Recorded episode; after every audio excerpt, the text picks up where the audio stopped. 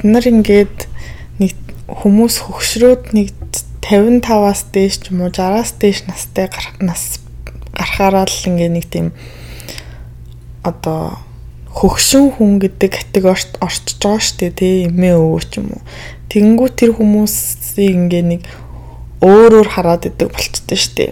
Тэр хүмүүст ингээд а юу яах хэрэггүй те янз бүрийн одоо хөгжилтэй зүйл хийх хэрэггүй ч юм уу те эсвэл бол ингээд гоё мэдж уумар санагдахгүй ч юм уу тий бид нарын ингээд залуу байхдаа хиймээр байдаг тэр зүйлүүд тийг хиймээр санагдахгүй тий гой хувц өмсмөр санагдахгүй гой харагдмаар санагдахгүй одоо юу ч үгүй ингээд юмнууд бүгдээрээ хамаагүй болчдөг юм шиг нэг тийм амьдрал нь ерөнхийдөө ингээд дуусчихж байгаа юм шиг тий амьдрал нь ингээд гой гэрэл гэгээтэй ингээд зүйл ч юм уу эсвэл ингээ хүсэл мөрөөдөл гэдэг зүйл нь байхгүй болчихж байгаа юм шиг нэг тийм байдлаар ингээд өнцгөр ингээд хараад идэв штэ тий. Аа хөгшин юм чинь тийм юм сонирхгүй гэдэг ч юм уу тий. Аа хөгшин юм чинь тэрүүгээр яах юм гэдэг ч юм уу тий.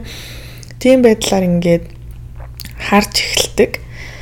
Тэгээ дээрэс нь яг монголчууд ялангуяа ингээд хүмүүс өөрсдөө бас жоохон хөгшрөөд ирэхээр ингээд өө би одоо ингээд хөгшөрсөн юм чи ингэхгүй хөгшөрсөн юм чи ингэж болохгүй тий одоо хөгшөрчүүд яаж ингэж идэв? гэдэг үгнүүд айгүй их гардаг тий тийм хандлагатай ер нь бол ингээд нийтээр амирх байдаг. Манай ээж хүртэл ингээд 50 ч үрээгүй мөртлөө дандаа ингээд тий одоо ингээд хөгшөрсөн өнгөрцөн тий аа ийм хөгшин болчоод ингэтийн гэдэг ч юм уу тиймэрхүү юмнуудыг маш их хэлдэг. Тэгээ яваадсан чинь ингээд аа би одоо ингээ Америкт байгаа штэ тий. Тэг ингээ ажил хийгээд би ажил дээр өдөр болгон дандаа тийм хөгшин одоо хүмүүстэй ажилдаг хгүй манай ажил. Тэгээд ихэнхдээ дандаа 55-аас дээш насныхантай ажиллаж байгаа. Тэгээд тэр хүмүүс чинь мэдээж над дээр ирээд ингээ уулзахтаа болохоор ингээ янз бүрийн одоо сэтгэл санааны асуудал ч юм уу амьдралын ингээ асуудлуудтай болоод тэрнийхээ тухай ярих гэж ингээ ирж байгаа шүү дээ тий. Тэгээд тэр хүмүүстэй ингээд ярилцаад ингээд бэжсэний дараа жоохон явсны дараа ингээд би юуг анзаарсан бэ гэхээр ерөөсөө тэр энэ хүмүүс тэгээ өөрсдийгөө ингээд би хөгшөрсөн юм чинь одоо ингэж чадахгүй ингэж болохгүй гэдэг юм нэг ярьдаггүй Харин ч бүр ингээд ярьж байгаа юм нэг залуу хүмүүсийн ярьдаг юмнаас баг ямар ч ялгаагүй байдаг заяо. Тэгээд зүгээр ганц ялгаатай юм нь юу гэж болох вэ гэхээр биеийн байдал нь биеийн одоо физикал эрүүл мэнд нь жоохон хэцүү болцсон байдаг мэдээж хөшөрч байгаа юм чинь тий ингээ янз бүрийн хүчнтэй ч юм уу тий ингээ сайн хөдөлгөөн өнтер сайн хийж та болцсон байгаа. Тийм ялгаатай. Тэгээд дээрэс нь ингээд хүүхдүүдтэй ач хүүхдүүдтэй тэгээ тэднэрийнхаа тухай илүү ярьдаг. Энэ хоёроор л ер нь бол бусад залуу хүмүүсийн ярьдаг юмнаас ялгаатай заяа. Тэрнээс ингээд яг адилхан л хүн тий хідэн настай байна уу? Тий ингээд яаж нүүр нь үрчлэгдсэн байна уу? Ямар ч ялгаагүй адилхан тий ингээд хайр сэтгэлийн тухай ярил ярина. Тий ингээд хүн амьтанд гомцсон тухай ярил ярина. Найз нөхдийн тухай ярина.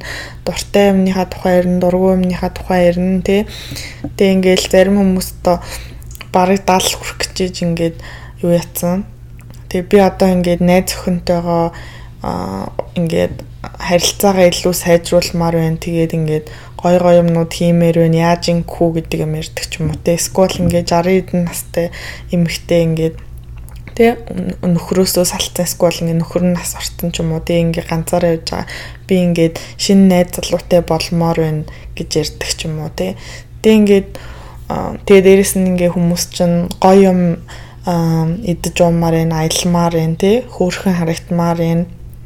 Ингээ 70 настай эмэгтэй ч юм уу ингээд хурж ирсний би насаараа юусэн ингээд нүрээ боддггүй байсан ягаад гэвэл манай нөхөр ингээд миний нүрийг бодуулдаггүй байсан. Гэхдээ би одоо ингээд гоё нүрээ бодцормаар байна. Тэгээд би найзаасаа ингээд миний нүрэн тохирох тийм одоо мейкап бүтээгдэхүүнүүдийг надад сонгож өгч игээд би хамт явах гэж байгаа гэдэг ч юм уу тий.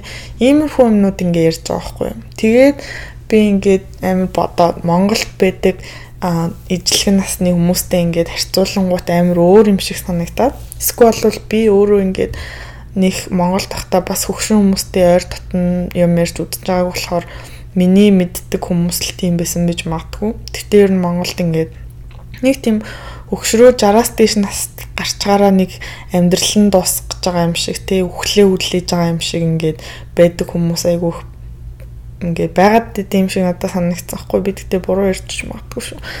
Тэгээл ингээл тий ингээд нэг тийм өөрийнхөө амьдралын ад жаргалыг гаргуунд нь гаргацсан юм шиг. А эсвэл бол өөр хүүхдүүд нь ч юм уу ингээд ойр дотных нь хүмүүс нь тэгсээр байгаад тий угаасаа хөгшүүн ийм юм ийм тийм юм хэрэггүй тий яасан ч ахвтэй маягийн байдлаар ингээ хандаад идэв учраас тэгдэгч үж магадгүй. Тэгээд ингээ бодохоор амар сайд байгаад тэгээ уг нь бол хүний амьдрал дуусаагүй амьдрч л байгаа юм чинь бус хүмүүстэйгээ яг адилхан л те аа ингээд найз нөхдөдтэйгээ уулзмаар энэ тий гоё have fun хиймээр байна. Газар гоё газраар явж юм үзмээр байна тий. Аа гоё хоолунд идмээр байна. Die бүгдийг л хиймээр л байгаа штэ тий. Тэгээ тэрийг аа мэдгүй. Тийм байдлаар бид нар ингээд харахгүй аа байдаг учраас надад жоохон ингээд сайд санагдсан л та.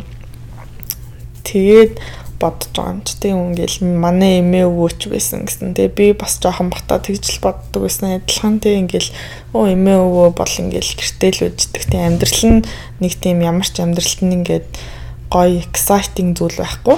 Эмээ дандаа л гэртээ байдаг. Хоолоо игээл очихоор ингээд биднэрт гоё чихэр өгдөг.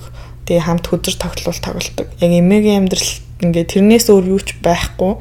Яг тэрийг л ингээд хийгээд амьдэрдэг ямар ч тийм одоо одоо юу гэдгийг те гарч өөр найзуудтайгаа хамт кофе ууж суuna гэдэг ч юм уу те юу ч үгүй явж нэг газар спорт тоглоно гэдэг ч юм уу эсвэл бүр ганц би эмээ өвөө байгаа бол ингээд гарч хүнтэй уулзна гэдэг ч юм уу. Тиймэрхүү юмнууд айгу цөөхөн харж исэн учраас гээд миний харах үнцэг бас тийм болцсон байсан юм шиг байна. Тэгээд одоо ингээд Америк хөгшин эмээ өвөө нарыг хараад үнэхээр ваа хүний амьдрал нэрэл тийм юм байна те хөгшөрлөөгээд ерөөсөн амьдрал дуусахгүй мэн.